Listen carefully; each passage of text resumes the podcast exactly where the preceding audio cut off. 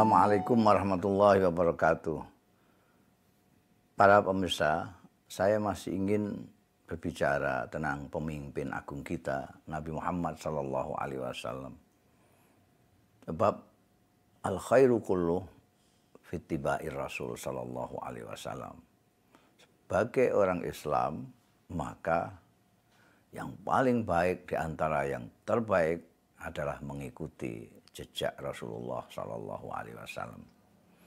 Rasulullah Sallallahu Alaihi Wasallam itu eh, disebut sebagai manusia yang sempurna ya al insanul kamil.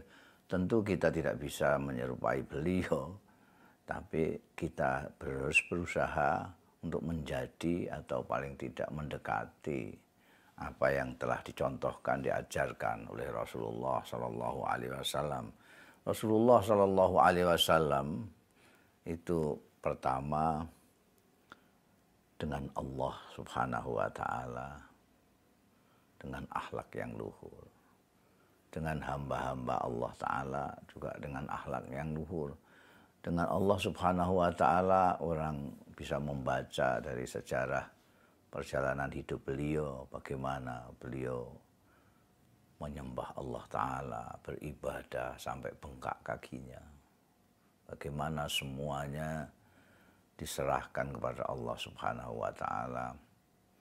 Bagaimana menyontohkan umatnya untuk di dalam saat-saat di mana kelemahan hamba selalu menadahkan tangan untuk memohon kekuatan dari Yang Maha Esa dari Allah Subhanahu wa taala kepada sesama hamba juga demikian.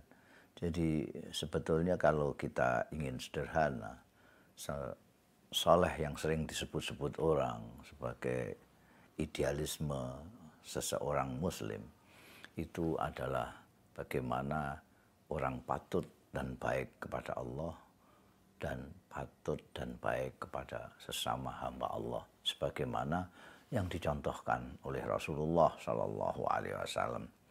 Bahkan kalau kita cermat eh, memperhatikan ketika kita sholat pun apa namanya kita memulai dengan mengagungkan Allah, Allahu Akbar, dan diakhiri dengan salam kepada sesama hamba Allah. Assalamualaikum warahmatullahi Assalamualaikum warahmatullahi.